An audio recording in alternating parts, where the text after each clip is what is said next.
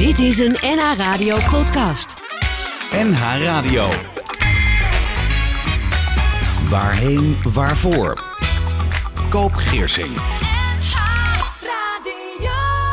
Helden maken het leven mooi en inspirerend. Ze helpen ons te ontdekken wie we zijn en wie we willen worden. Ze helpen ons onze waarde vorm te geven en motiveren ons om boven onszelf uit te stijgen. Wie is jouw held? Vandaag heb ik opnieuw een gast met wie ik over leven en dood mag praten. Hij is voormalig teamleider Cold Case Amsterdam en voormalig landelijk coördinator familierechercheurs Nationale Politie geweest. Ehm, sinds 1 oktober tot 11 april van dit jaar heeft hij verlof. En dat gaat vooraf aan zijn formele pensioen vanaf 12 april 2021. Dag Theo Vermeulen, welkom.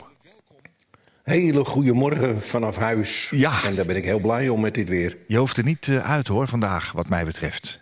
Nee, nee, dit is, uh, het is beestenweer, kunnen ja. we nu roepen. Ja, zeg, bijna pensionado dus. Wat doet het met je dat je niet meer hoeft te werken? Ja, um, wat doet het met me? Ik, het is wel heel vreemd. Het is heel vreemd. En, en na al die jaren dat je toch constant in de operatie zit... met alle gebeurtenissen die natuurlijk in, in Nederland afspelen... waarop je toch als politie uh, uh, moet reageren... Ja, dat je dat nu los moet laten. En dat is ja, gewoon een gewenningsperiode. Ja, is dat lastig en, en dat ook? is vreemd. Ja, dat, nou, lastig wil ik niet echt zeggen. En daarbij komt kijken dat uh, de coronatijdperk, zeg maar, vanaf vorig jaar... daar natuurlijk ook al een beetje de rem zetten op het hele... Uh, ja, op het, op het hele werkgebeuren met alles erop en eraan. Ja. Alles ging natuurlijk meer naar huis toe. Dus ik heb wel een langere periode gehad om eraan te wennen, zeg maar. Om proberen afstand te nemen of ja. afstand te nemen. Eigenlijk. De laatste tijd van je, van je werkzame leven, zullen we zeggen, heb je ook uh, thuis gewerkt? Ja, als het maar even kon, heb ik thuis gewerkt. En ja. Uh, net, ja, eigenlijk net als iedereen proberen gewoon te voorkomen dat je, dat, je, dat, dat je ziek wordt. Maar ook vooral dat je het verspreidt. Want dat is natuurlijk ja. nog ook uh, het, ja. het, grootste probleem. Daar doen we het voor, hè, met elkaar. Wat ga je doen met je vrije Zeker. tijd? Ja, ik heb het nog niet echt ingevuld. Eén uh, ding heb ik wel. Um, ik heb wel een camper uh, met mijn echtgenoot hebben wij aangeschaft. Oh, kijk aan. En uh, wij hebben over het algemeen wel aardig de wereld rondgereisd met vakanties. En we hebben nu sinds ongeveer twee jaar besloten Europa te gaan verkennen. Want daar weten we nog weinig van. Nederland zelfs ook. En we willen nu met de camper Alleen het loopt allemaal iets anders. Maar uh, uiteindelijk willen we wel met de camper Europa gaan uh, zien, verkennen. Ja, ja, nou dat zijn toch in zekere zin wel uh, plannen hoor. Dus daar wens ik je ook heel veel plezier en geluk mee. Als het allemaal weer kan, kunnen we er weer op uit. Ja. Laten we dan hopen dat dat ja. allemaal in zicht is in dit jaar. Je was teamleider Cold Case in Amsterdam. En door de vele televisieseries over dit onderwerp en de actualiteit... is de vraag misschien overbodig. Maar wat wordt ook alweer verstaan onder Cold Case? Ja, het is eigenlijk alle onopgeloste zaken, zeg maar. En, en dan moet je toch wel kijken, vooral in, het, in, de, in de, ernst, de ernstige zaken. Dat zijn vaak toch de moord, doodslag uh, en de, de, ontvoeringen, de vermissingen. Waarvan uh, we met, ja, we hebben zelfs gezegd, zeg maar, zeker in de opstart van, van de cold case, minimaal 12 jaar gevangenisstraf op staan. Oh ja. Uh, Zware dan zaken. Heb je al zoveel, ja, dan heb je al zoveel zaken als je Nederland breed, breed kijkt of in Amsterdam. Ja, dat is niet, niet aan te pakken, want dan zou je bijna het hele korps erop moeten zetten. Ja, dat begrijp ik. En ik, ik zei al, het is actueel, hè, want afgelopen vrijdag ja. is er een man aangehouden voor een cold case zaak in Groningen. Ja. Naar hernieuwde aandacht voor de dood van uh, de 33-jarige Els Slurink. Zij werd in 1997 dood aangetroffen in haar woning in de Groningse Zeeheldenbuurt. Wat, wat deed jij als teamleider Cold Case? Wat deden wij? Wat deed ik als team? Nee, ik, ik had een team mensen om me heen. Hoeveel? Uh, vanuit alle geledingen, van, van, van de zedenpolitie, van de jeugdpolitie, van, van, van de forensische opsporing. Eigenlijk allemaal een, een soort specialisten bij elkaar die allemaal in staat waren om uh, even het, het, het, het, het opsporen, zeg maar, het direct ergens induiken, uitzoeken, uitspitten en dan gelijk naar het resultaat te werken. Had ik een groep bij elkaar die het voor elkaar heeft gekregen om steeds door gezamenlijk door het dossier heen te gaan. alle ehm, leermomenten eruit te halen van dingen die niet goed gegaan waren. Maar ook vooral te gaan kijken waar nog kansen lagen waarmee een team weer aan het werk zou kunnen gaan door toch te kijken of er niet tot een dader gekomen kon worden. Ja. Is dat vaak uh, voortschrijdend inzicht? Of is het, we gaan met nieuwere technieken nog eens in iets duiken wat we destijds gewoon niet konden weten? Uh, ja, en daar helpt natuurlijk de, de, enorme versnelling van het forensische opsporing. Die is natuurlijk, eh, ja, die blijft, die is niet meer te stoppen. En je kon je echt zeker toen ik het begin in 2000, zeg maar, met de eerste cold cases begon in Nederland, met de, met kindermoorden, vermissingen ja, toen hadden we die technieken van, van uh, de DNA en dergelijke. Hadden, oh we, hadden we niet. Nee. Uh, dan had je nog echt een hele grote druppel bloed nodig, even overdrijven nu, om het beelden te maken. En nu heb je zo minimaal, minuscuul afdruk van iets nodig waar ze toch in staat zijn technisch bewijzen uit te halen. Ook na al die jaren. Maar dan nog, zeg ik, dan zeg ik wel natuurlijk direct bij, dan heb je misschien een, een vingerafdruk of je hebt een bloeddruppeltje.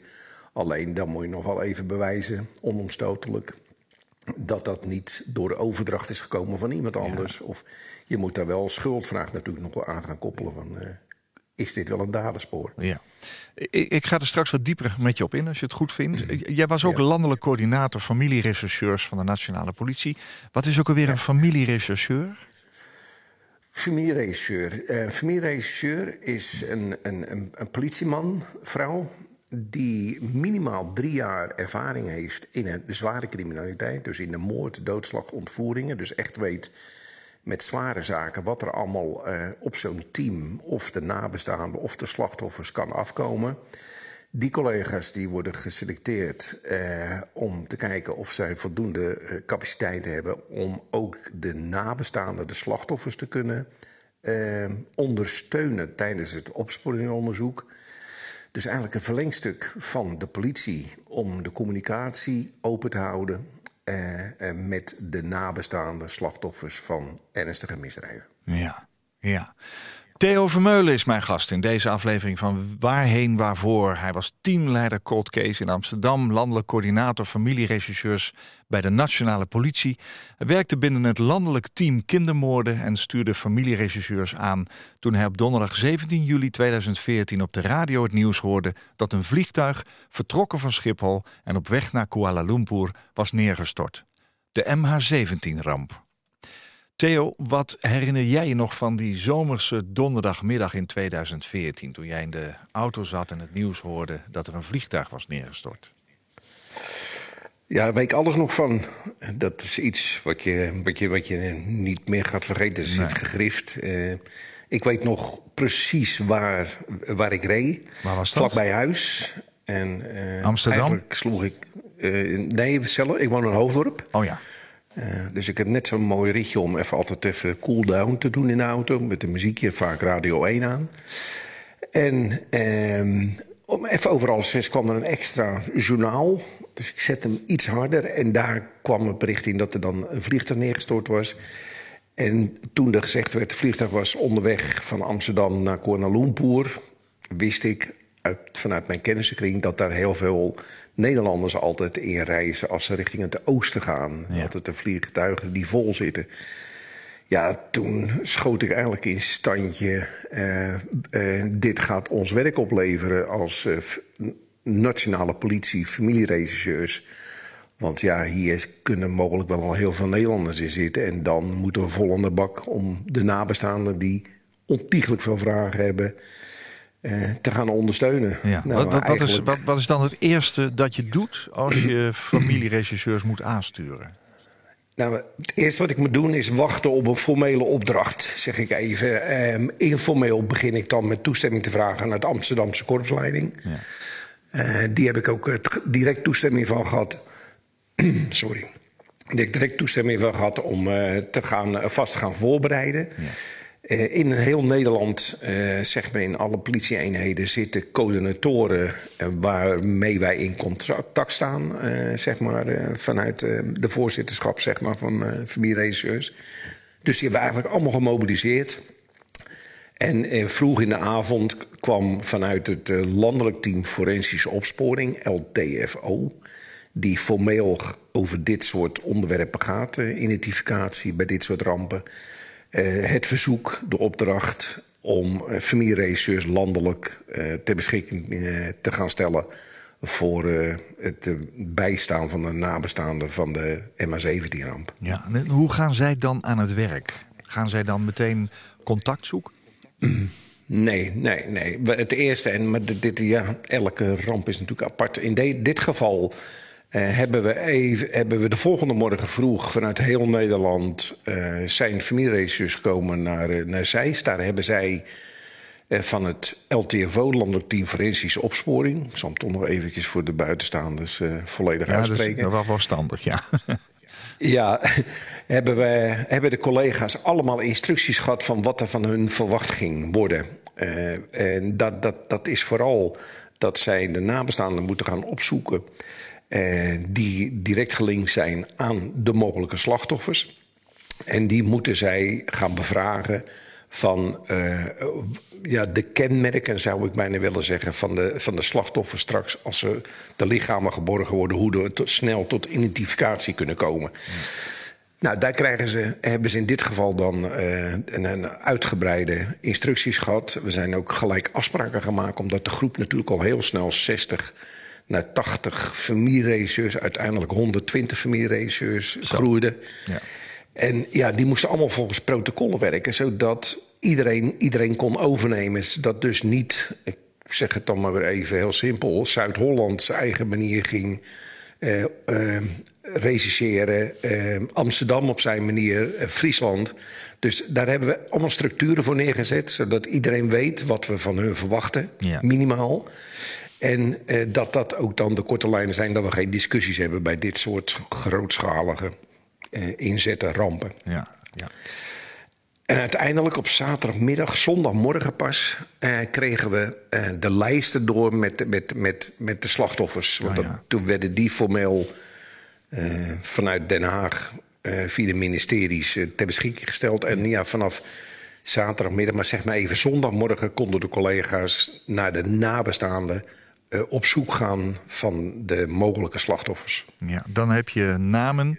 Dan weet je naar wie je toe moet. Het, het moet zwaar zijn voor een familieregisseur om met nou ja, al die vormen van het heftige verlies te maken te krijgen. Wat uh, vind jij zijn de eigenschappen waaraan een familieregisseur moet voldoen? Nou, de meest belangrijke die bij ons eigenlijk altijd hoog in het vaandel staat. De collega's moeten een heel groot empathisch vermogen hebben. Die moeten heel goed kunnen indenken, eh, meeleven met de nabestaanden om zo effectief mogelijk de informatie te krijgen van die nabestaanden waarop wij snel, maar vooral ook heel erg goed het werk kunnen doen. En in dit geval is dat dan dat LTFO, Landelijk Team Forensische Opsporing. Want die moet aan die identificaties gaan beginnen. Ja. En daar zijn hele kleine dingen hartstikke belangrijk voor. Dus de mensen moeten heel goed vertrouwen kunnen kweken bij de nabestaanden zodat ze ondanks de emotie de mensen ook kunnen helpen de juiste antwoorden te gaan opzoeken of geven om snel tot mogelijke identificatie over te komen. Ja. Daarbij, ja.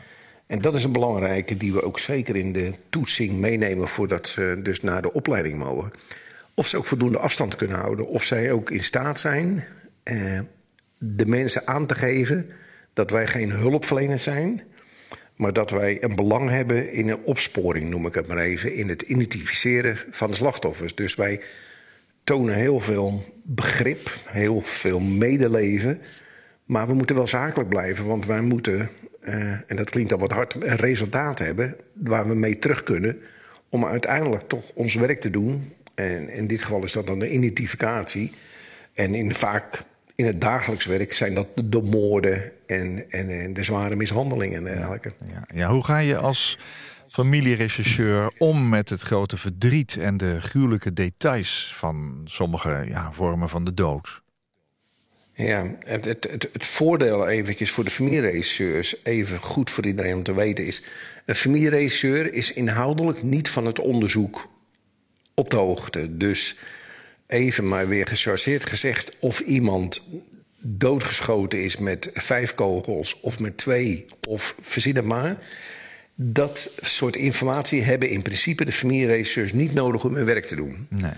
De familieregisseurs willen we daar ook van loshouden. Want op het moment dat zij het niet weten, kunnen ze het ook niet kenbaar maken aan, eh, aan nabestaanden, aan familieleden. Ze kunnen zich niet dat verspreken, zou je kunnen zeggen. Ja, en ze hoeven ook niet te liegen naar Nee, mensen, want nee, dat is het meest belangrijke. Ze kunnen ook met gerust hart de mensen in de ogen kijken en zeggen: Mevrouw, ik weet het niet, meneer. We gaan het voor u vragen, maar ik weet niet of ik antwoord krijg. Nee, ik- dat, dat- dat snap ik hoor, Theo. Maar, maar tegelijkertijd eh, he- hebben zij natuurlijk toch te maken met, met. Ze kijken de mensen met dat grote verdriet en die vragen in de ogen. En die mensen hebben een eigen verhaal. En die komen natuurlijk met eigen details. Hoe, hoe gaan ze daar persoonlijk mee om? Ze gaan ook weer naar hun eigen gezin naar huis. Jazeker, jazeker. En daarom eh, werkt een familieregisseur altijd in koppels. Ja. Altijd. Wij gaan nooit even een boodschapje brengen, hoe simpel die ook lijkt. In, eh, in, in het onderzoek. Dat je denkt van nou, eh, ik ga er wel even alleen heen. Wat ga ik wel vertellen? Want je weet namelijk niet wat er aan die andere kant eh, zich heeft afgespeeld binnen de familie. Dus je komt vaak voor iets simpels even binnen.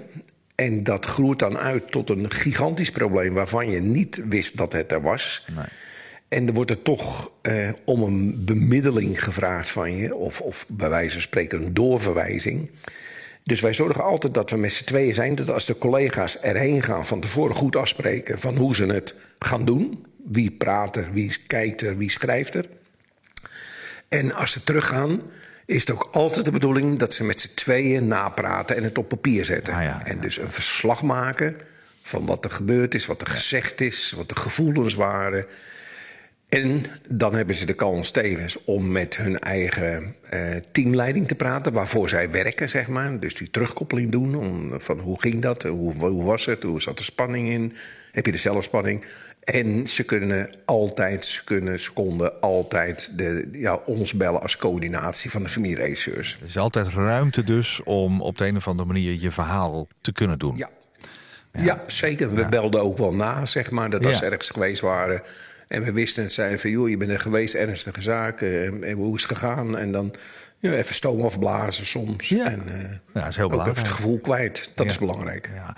Theo, ik heb jou gevraagd voor deze uitzending eh, ook eens aan je eigen heen gaan te denken. Dat, eh, ik mag hopen voor je dat het nog lang duurt en dat je nog lang mag genieten met je vrouw van het eh, mooie pensioen en de camper. Eh, maar toch, drie liedjes heb ik gevraagd. Neem ze eens mee die je op je eigen uitvaart zou willen laten horen. Je had van tevoren tegen me gezegd, nou, wordt in ieder geval iets met eh, Leonard Cohen. Maar ik moet het nog even afstemmen met mijn vrouw. dat heb je netjes gedaan. Hoe, heb je dat afgestemd? Nou ja, kijk, het, er waren weinig verrassingen bij, kan ik eh, vertellen. Oh. Want uh, Sek heeft natuurlijk ook wel mijn smaak, zeg maar. eh, Ja. En we zijn allebei ongelofelijke fan van, eh, van Leonard Cohen. Ja. En ja, het, het was geen verrassing dat deze nummers eruit kwamen die ik opgegeven heb. Maar ik had er nog wel twintig kunnen doen, bij wijze van spreken. Ja, Maar ja. Ik zeg, dit soort dingen moet je altijd kort houden. Ja, heb jij wel eens nagedacht over je eigen overlijden? En heb je ook wel eens met je vrouw besproken wat er dan moet gebeuren? Ja hoor, ja, ja. Ehm, daar, daar praat ik ook heel makkelijk over. En ik ben, er ook, eh, ik ben niet van de koffie en gebak. Ik ben meer van eh, de mooie herinneringen. Neem een borrel, zeg ik dan altijd. En, eh, ik ben een portdrinker. Oké. Dus ik ben vooral voorstander van om geen koffie en gebak te doen... maar vooral een witte of een rode port met een stukje oude kaas. Nou, kijk aan. Nou, dat, En, dat eh, klinkt als we vieren het leven. Ja, ja, ja. Ja. Wat is het eerste liedje wat je meegenomen hebt van Leonard Cohen? Nou, dat is eh, denk ik eh, wat van zijn laatste cd is Ja. You Want It Darker. Dat is, ja, toen ik dat hoorde, dacht ik van nou, die, die, ja, die hoort op mijn afscheid. Laat ik het zo even noemen.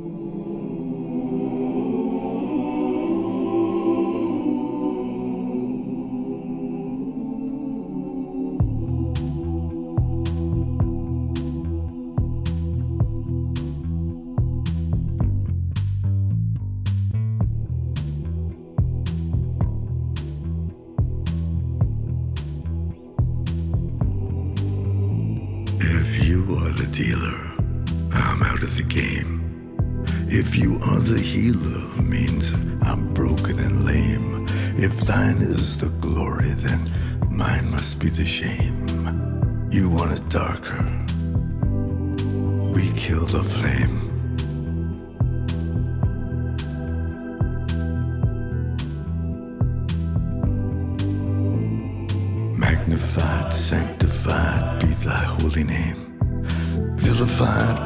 Crucified in the human frame. A million candles burning for the help that never came.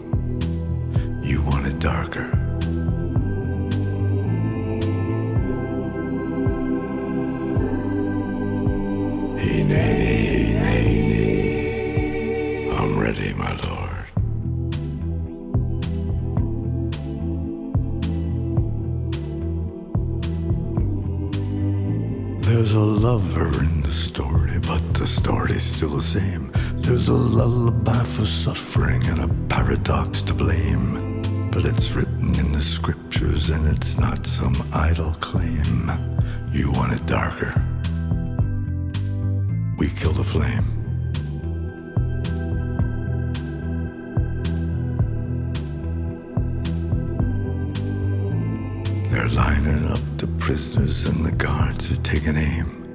I struggled with some demons, they were middle class and tame. I didn't know I had permission to murder and to maim. You want it darker?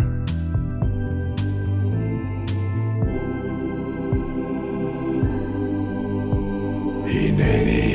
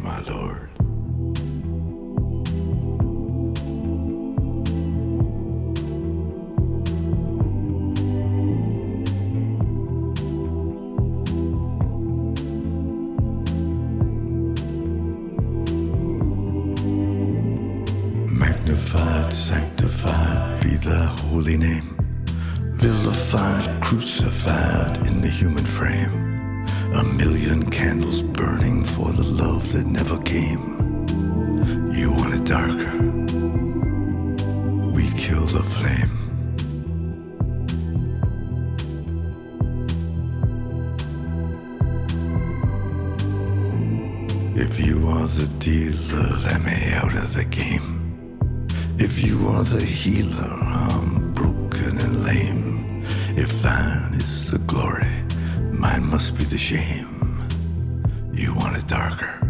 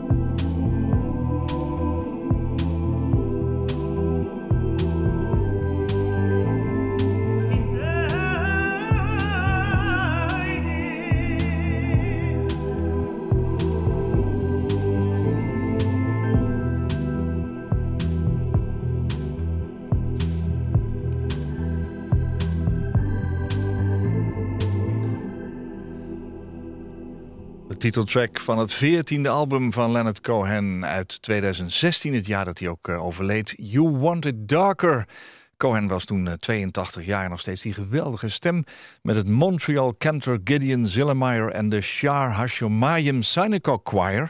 Hij kwam uit eh, Montreal en eh, dit koor eh, dat eh, hoorde je vooral ook aan het begin. Wat een prachtig nummer, eh, Theo. Ja, ja ik, het, eh, ik vind het geweldig dat je het op die manier zo neer kan zetten. Met, op dat moment zelfs ook Ja, natuurlijk. Want ja. hij wist natuurlijk wat er ging gebeuren. Ja, heb jij hem live gezien? Ja, meerdere keren. Ja, Oh, ik, als ik in de buurt kon zijn, dan, eh, dan trok ik erop uit. Oh, het is mooi, mooi. geweldige man was het. Ja, geloof ik. We gaan zo door, eh, dadelijk nog een liedje draaien wat een, een link heeft eh, met hem. Ehm, mijn gast in deze aflevering van Waarheen Waarvoor is Theo Vermeulen. Hij werkte voor Cold Cases in Amsterdam. Coördineerde familieregisseurs voor de nationale politie. Ehm, hij werkte binnen het landelijk team kindermoorden. Ehm, destijds heb jij ooit gekozen om dit werk te gaan doen. Waarom?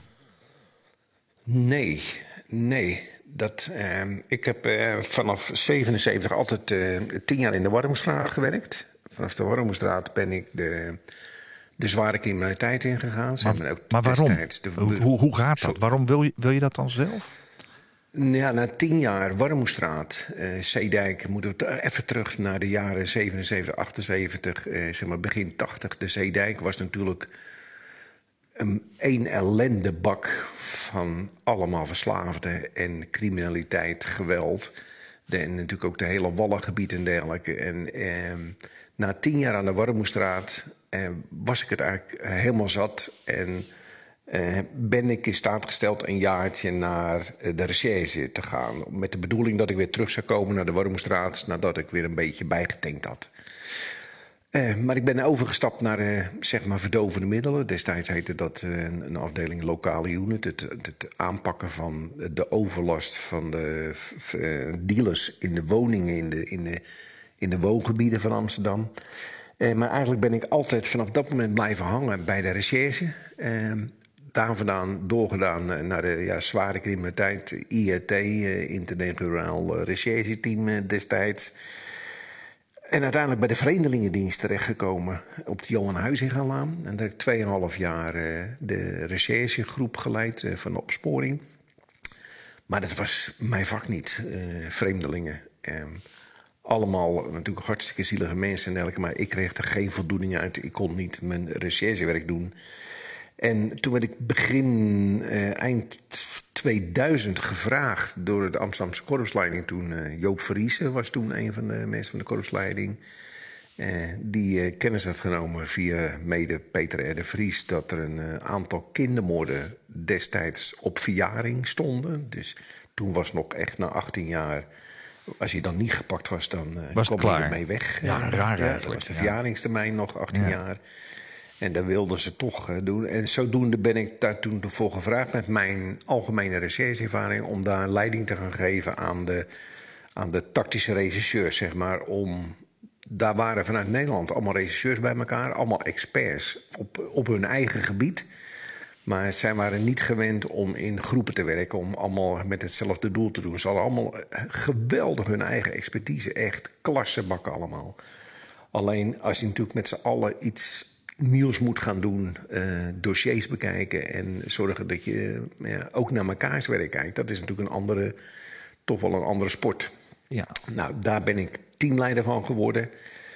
Tot half 2004. En wat is daar nou gebeurd, zeg maar, bij het regisseren, het bekijken van die kinder- kindermoorden, vermissingen, bleek dat ehm, collega's heel erg betrokken waren bij, eh, bij, de, bij de nabestaanden. Ja.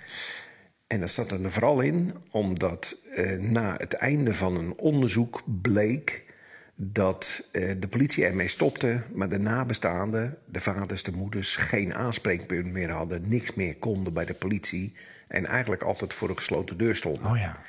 Of mensen die er niet van afwisten. En als dat natuurlijk. Kijk, die mensen laten niet los als hun zaak, hun kind niet gevonden is. Of Nee, hun, nee. hun- hun- de moord is niet opgelost. Dus uiteindelijk bleken daar collega's na 14, 16, 18 jaar nog steeds contact te hebben. Eh, als, het maar, als het nodig was met die nabestaanden. En die werden eigenlijk meer huisvriend. Dat waren niet meer de, de regisseurs. En geen kwaad woord van die mensen hoor. Nee, Ik bedoel, nee, nee. alle klassen dat ze dat volgehouden hebben. Maar het is niet wat we moeten. Dat is niet zoals het hoort. Dat is niet professioneel. Nou, eigenlijk is dat eh, de grote opstap geweest naar het gaan organiseren van familieregisseurs. Want kort daarna, of tenminste enig, een paar jaar daarna, kwam de Schiedammer Parkmoord, de heropening daarvan. En daar ben ik toen teamleider van geweest met de commissie Postumus. En eigenlijk zagen we daar hetzelfde. En dat is dus eigenlijk de grote ja, opstart geweest, de, de, de, opdracht. En nu moeten we familieregisseurs neerzetten. En zo ben ik eigenlijk door incidenten eh, hier eh, ja, tot, tot deze eh, opdracht gekomen.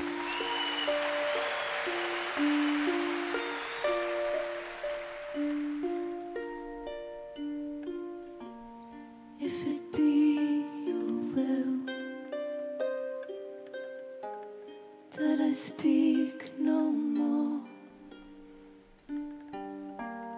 am I voice be still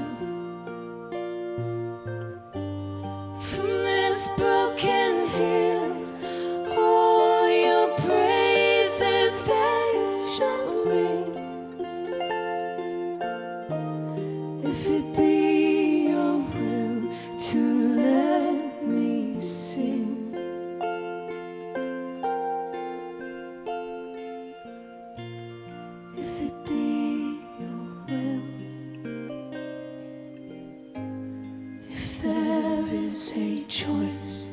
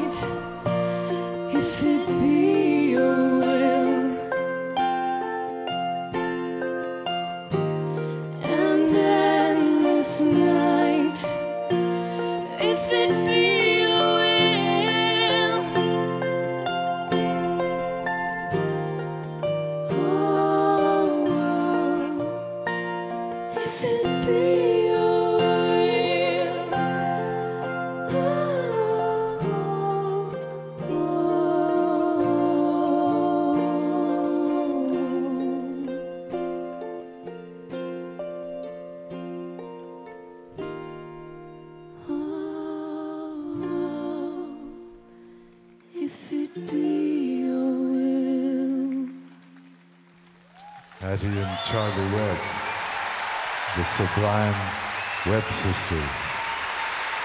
En dat was Leonard Cohen zelf, die ze afkondigde, de Web Sisters. Van een concert live in Londen. Neil Larson and the Hammond B3. De Web Sisters, dat zijn de stiefzusjes Charlie en Hattie Webb uit Engeland. Ze waren achtergrondzangeressen bij Leonard Cohen. Trouwens ook nog eh, bij Tom Petty. Dit was het tweede liedje wat op jouw lijstje stond... van eh, muziek die gehoord mag worden als jij eh, ooit het eeuwige leven hebt eh, gekregen, Theo. Ja. Waarom deze? Ja, waarom deze? De, eh, dit geeft zo'n mooi gevoel neer dat je er even alles langs je heen kan laten glijden en dat je opgaat in, in de muziek, in, in, en dan echt niet eens natuurlijk in de teksten, maar de manier waarop je eh, zeg maar hiermee tot rust kan komen. Ja. Ja, die vind ik voor de overdenking, zeg maar, vind ik heel mooi. Ja, je hebt, je hebt in je werk eh, bij de Amsterdamse politie zoveel meegemaakt. En ook al ben je professioneel op afstand. eh, het kan niet anders zijn dat je als mens toch eh, af en toe eens dingen mee naar huis neemt. Hoe belangrijk is muziek geweest om jou weer in een soort rust te krijgen? Ja, ontzettend belangrijk. Ja? Ontzettend belangrijk. Ja, echt wel. Echt wel. Als ik er Ik, ik zeg even, als ik er doorheen zat en, en ik had dan de kans dat ik even alleen was. En dat vond mevrouw dan nooit erg, want dan ging toch de radio hard. En eh, misschien dat de buren ook soms nu dan wel even meegeluisterd hebben. maar dan, ja, dan kon ik echt tot rust komen. Dan kon ik het kwijtraken, kon ik mijn spanning kwijt. Of soms ook de frustratie, hè, want dat hebben we natuurlijk allemaal wel eens. Uiteraard. En, en ja, dan kon ik het kwijt en dan kwam ik tot rust. En dan relativeerde ik alles weer zo van, nou, eh, als het zo niet gaat, ga ik het anders proberen. Ja. En dan kreeg ik er weer energie van, kreeg ik er weer eh, lef van. Ja.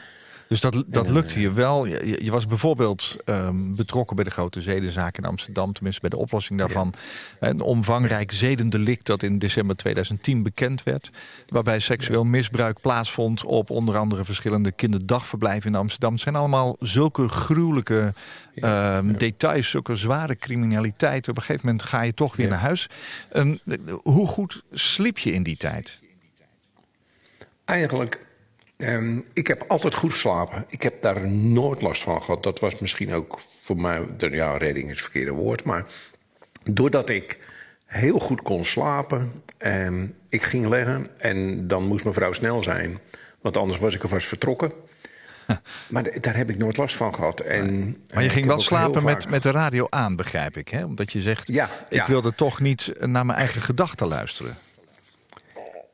Ja, kijk, wat, wat gebeurt er als je s'nachts een keer wakker wordt? En dan worden we allemaal. En ik werd dat zeker ook s'nachts met een grote regelmaat gebeld. Want ik was ook eh, verantwoordelijk voor het aanzeggen van eh, overlijden van eh, mensen die in het buitenland om het leven waren gekomen. Bijvoorbeeld, iemand kreeg in Duitsland een dodelijke aanrijding. Dan kwam via via de Duitse politie bij, bij mij op de lijn. En wij verzorgden dan dat politie Nederland, vaak eh, de mensen in de blauw, dus de, de herkenbare politieauto's of familieregisseurs, dan het overlijdingsbericht gingen brengen. En dat gebeurde toch ook vaak s'nachts. Nou, dan werd ik wakker, dan deed ik mijn ding. Ik zorgde dan voor dat de mensen met de goede informatie naar de, de- naar de nabestaanden gingen. Om het te vertellen s'nachts. En dan moest ik niet gaan denken. En als ik dan de radio aan had, dan concentreerde ik me echt op de liedjes, de muziek. En dan sliep ik binnen een paar minuten sliep ik weer in. En dan eh, had ik geen last van mijn malen eh, van wat er gebeurd zou kunnen zijn. Besprak je werkte wat je bijvoorbeeld eh, eh, ja, zeg maar bezig hield, ook emotioneel, ook met je vrouw? Kon je dat, was dat voor haar ook een onderwerp? Nee, mijn, ik, daar, daar- wij konden daar heel goed... Mijn vrouw kon heel goed zien, eh, zeg maar... of ze me even met rust moest laten, noem ik maar even. Dat ik even moest moren of even, even druk was, Ja. even aan de kant moest gaan. Dat ik even het hele huis nodig had en alle telefoons om dingen te doen. En daar konden we samen heel goed mee omgaan. Maar ik kon ook wel heel goed zien dat als het, als het zat was... dat ik dan ook even een moment vrij moest nemen of eh, ruimte moest maken. Dus dat moet ik zeggen, dat, ja... Mijn vrouw heeft wat dat betreft natuurlijk... eh, ik was veel met mijn werk bezig. En het, eh, het huishouden met alles wat erbij hoort... Ja, dat, is, dat, dat, dat was wel het ding wat mijn vrouw al die tijd gedaan heeft. En waardoor ik ook mijn werk gewoon goed kon doen... en ook geconcentreerd kon blijven. Ja, dus nu krijgt zij alle tijd en aandacht, want jij gaat eh, nou, nu over twee maanden zeg maar officieel met pensioen. Ehm, Ja. Dat is een mooie gedachte. Dan kan ze wat terugkrijgen, zullen we maar zeggen. Ehm, ik begrijp dat zij heel veel muziek van jou gehoord heeft, want dat had je nodig om ook los te komen van het, eh, zeg maar het dagelijkse.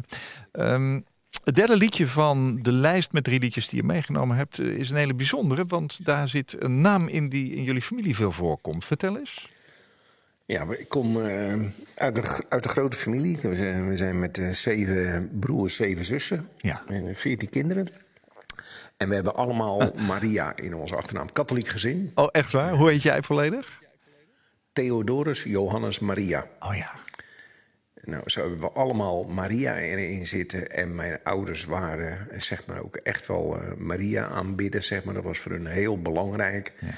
En, en ook in de tijd, zeg maar, eh, dat we nog in de grote stad woonden, Schiedam. Want daar kwamen, kwamen we eh, uiteindelijk vandaan, zeg maar, met de bolsfabrieken mee richting eh, deze kant. Ja. Ehm, ja, was ook, zeg maar, Maria gewoon een vaste prik bij eh, begrafenissen, maar vooral zeker in het begin bij alle bruiloften en dergelijke. En eh, ook bij hun afscheid weer. En eh, is dat Ave Maria, is ja, bij ons wel een eh, kenmerk in de familie. eh, waar ik hele mooie herinneringen aan heb. Eh, ook aan mijn ouders. Ja, dan dragen we het op aan de familie Vermeulen.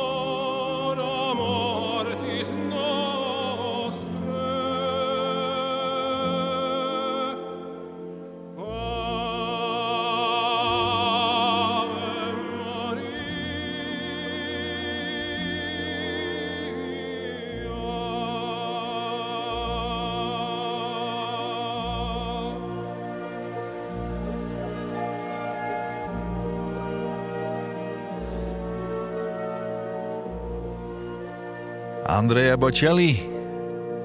Ellens dritte gezang. Oftewel Ellens derde lied. Ave Maria. Gecomponeerd door Frans Schubert in 1825.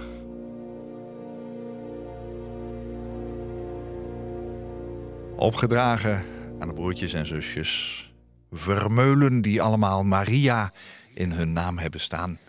En eh, we hebben ook even aan jouw ouders gedacht, denk ik, eh, Theo. Ja, zeker, zeker. Ja. Bocelli, is dat. ehm, want jij koos speciaal voor een eh, versie met Andrea Bocelli. Nee, niet speciaal voor Oh. hem, maar ik vind het een van de mooiere uitvoeringen, zeg Ja. maar. Maar het was, dit, ja, er zijn zoveel uitvoeringen van en ja, deze, deze raakte mij het meeste, zeg maar. Ja, mooi, mooi. Eh, Nou ja, over raken gesproken. Ik heb begrepen dat eh, voor jou bij de MH17-zaak, het neergestorte vliegtuig met, eh, met veel ook Nederlandse slachtoffers, het meest bijzondere moment is geweest het bekijken van de beelden van Schiphol met de nabestaanden. Ja. Dat waren de beelden Ja. van het vertrek die door de beveiligingscamera's zijn gemaakt. Dus eigenlijk de laatste beelden ehm, ja, die die familie kon zien van, van hun geliefden. Die daar nog vrolijk eh, vakantie lopen te hebben en eh, afscheid nemen. Ik begrijp dat je daar de verhalen hebt gehoord. De blije vakantiegangers hebt gezien. En de emotionele momenten van de families hebt meegemaakt. Wat deed dat met jou? Ja, wat deed dat met me? Oeh, dat was wel een van mijn zwaarste klussen. Ja? Eh, het, het, het mooie om met die eh, mensen de, de beelden te zien, te vinden. En dan ook ehm, eh, ja, moet zeggen, het, het aanspreekpunt te zijn van de eerste mooie herinneringen die ze daarover vertelden. En, ja, en dat waren er natuurlijk niet één, dat waren er natuurlijk vele. Ja, en dat vroeg toch best wel veel van, van mij en mijn collega Sylvia van Braak was daar eh, zeg, maar, eh, zeg maar de tweede persoon in voor de ondersteuning. Ja. ja dat was best heftig. Ja, best heftig, zwaar. Ja. eh, om dat te begeleiden. En, maar wel heel mooi om Dankbaar te doen. Laat dat, dat ook- Ja. ja. echt heel dankbaar. Echt heel mooi. Goh, nou ja, ik, ik denk dat je heel veel voldoening gehad hebt eh, aan eh, het werk wat je gedaan hebt. Hoe gruwelijk ook. Theo Vermeulen, hij was mijn gast in deze aflevering van Waarheen Waarvoor. Hij was eh, teamleider Cold Case in Amsterdam, landelijk coördinator familieregisseurs van de Nationale Politie. En ja, hij stuurde de familieregisseurs aan naar de MH17-ramp. Theo wilde zijn team zakelijk met natuurlijk begrip voor de afzonderlijke situaties kunnen sturen en coachen. En zodat hij zelf niet te betrokken werd. En door de coronaperiode heeft hij afstand kunnen nemen. Hij zegt: Het is mooi geweest. Ik heb mijn bijdrage geleverd. Kijk er met veel trots op terug.